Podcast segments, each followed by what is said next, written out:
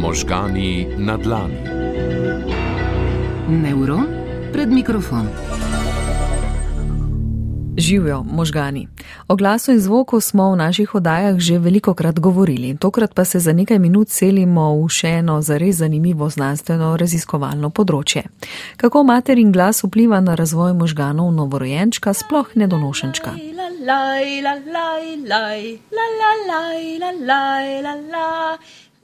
To je glas doktorice Manuele Filipa, psihologinja, ki trenutno deluje v Švici in je v petek na pediatrični kliniki v Ljubljani imela gostujoče predavanje v okviru projekta BIER. I come from University of Geneva, so I live nearby the mountains. Prihajam z univerze v Ženevi, živim v bližini gora in sem po izobrazbi psihologinja in glasbenica. V svojem življenju skušam oboje povezovati. Ko se je moja druga hči rodila prezgodaj, me je to preusmerilo na moji poti. Želela sem bolje razumeti, kako se možgani razvijajo pri nedonošenčkih, ter kako na to vpliva materin glas, glasba in petje. Vse to torej temelji na moji lastni življenjski izkušnji.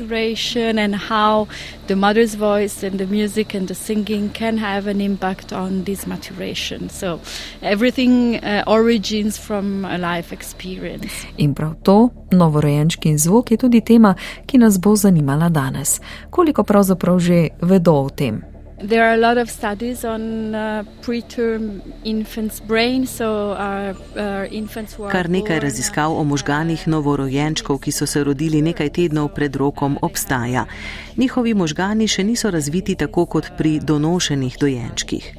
V zadnjem času se pojavlja kar nekaj teorij o tem, kako potem obogatiti okolje takšnim nedonošenčkom. Recimo, kako opremiti prostore za neonatalno nego, da bi s tem pomagali razvoju možganov. Možgani namreč pričakujejo senzorne izkušnje, da se razvijajo.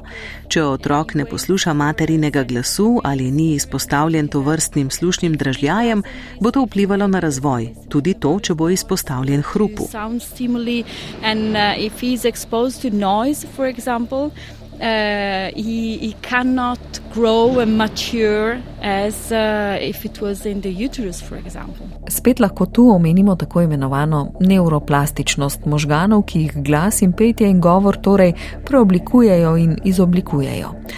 Ob vsem tem je doktorica Filipa povdarila, da vse to velja tudi za očetov glas. A imajo zaenkrat pač na tem področju manj raziskav, saj so vanje večkrat vključene mame. Well, we, we have a long story with our mother's voice because uh, we, we listen to it during pregnancy. Z glasovi svojih mam imamo dolgo zgodbo, saj jih poslušamo že, ko smo v trebuhu in postanejo naša referenčna točka. Usmerjeni smo torej v ta glas, ki na neki način hrani naše možgane in usmerja razvoj na različnih nivojih. Pri nedonošenčkih se pogosto zgodi, da jih ob rojstvu odpeljajo od mame oziroma od staršev in so izpostavljeni drugim neznanim glasovom. V naši nedavni študiji smo ugotovili, da nedonošenčki sicer ne dojemajo maminega glasu enako kot donošeni novorojenčki. Dojemajo ga bolj kot druge glasove, kar lahko vpliva na zaostanke v osvajanju in učenju jezikov. Ta mamin glas je zelo pomemben. Če ga novorojenčki ločijo in prepoznajo, jih lahko vodi, sicer pa težje.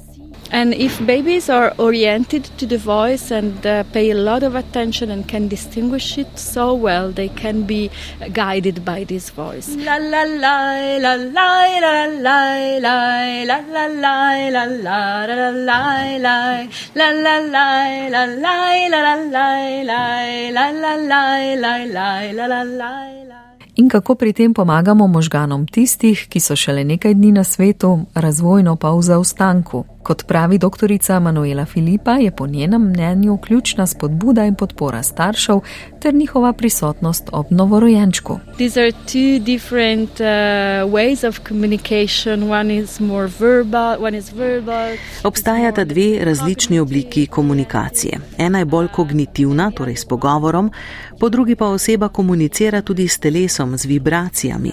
Zato spodbujamo starše, da pojejo tudi med bolečimi postopki, ki so jim nedonošenčki lahko izpostavljeni.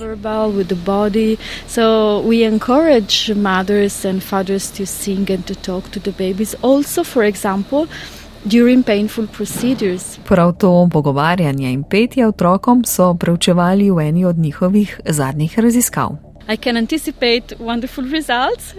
so, good news uh, when the mother sings and talks to the babies during painful procedures.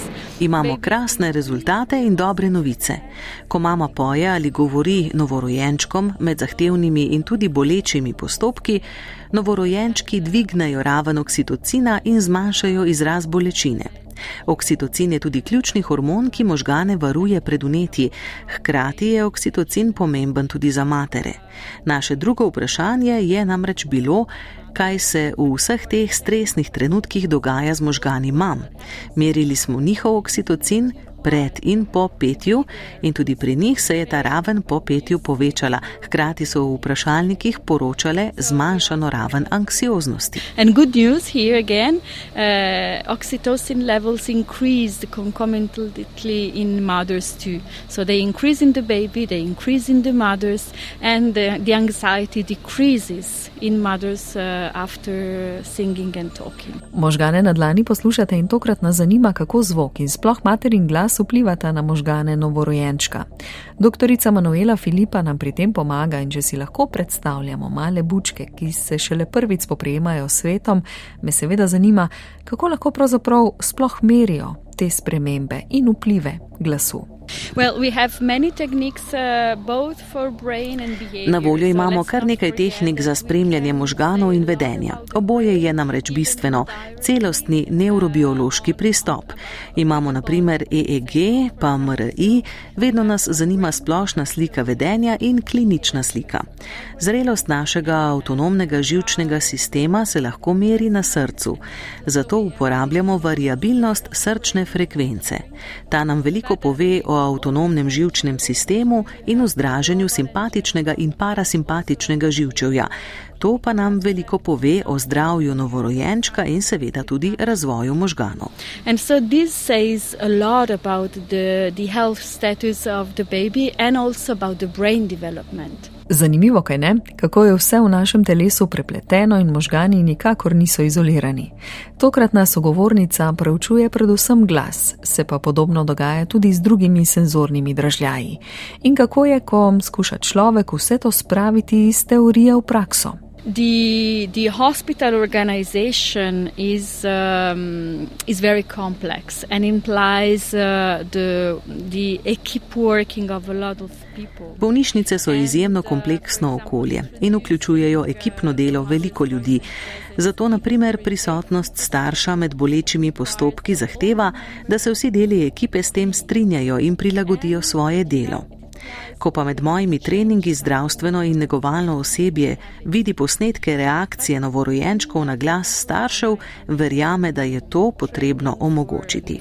In when they can see these videos and listen to these voices and see the baby's reactions, they believe in the importance of the parents being there. Pa še nekaj pomembnega povdarimo za naše možgane: prisotnost je pomembna ne digitalni posnetki glasu, se se ti ne morejo odzivati na različne potrebe novorojenčka, ki izraža različna stanja in se tudi lahko različno odziva.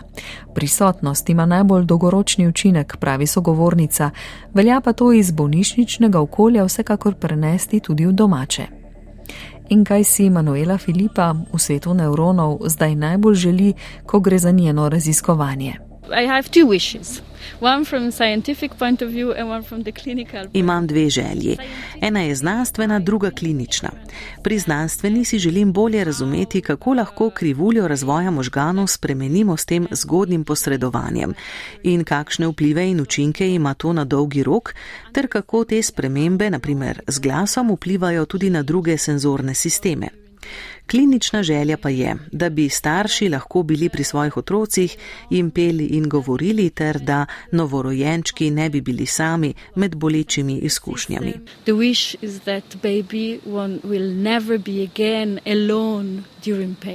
Lepo je opazovati in negovati razvijajoče se nevrončke, ki jih lastajo za dražljaj in učenjem. A včasih so te poti malo daljše. Kaj zato ob koncu sogovornica, ki pravi, da je ljubljena čudovita in upa, da se še vrne, zaželi vsem nam. Yeah, so the message is uh, to try to be as closer as possible to, to the babies. Sporočilo poslušalcem in poslušalkam je, da bodite čim bližje svojim otrokom.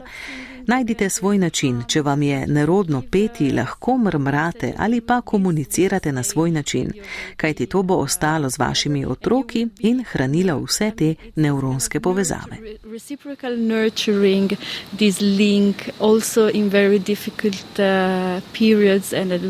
Uh, Mogoče pa kakšen zvočni navdih najdete prav v tej uspavanki. Canta ancora, canta mi ancora, suoni dolce antiche parole, leggi suoni e contami storie, sulle gambe fammi saltare. Možgani na dlani. Neuron pred mikrofon.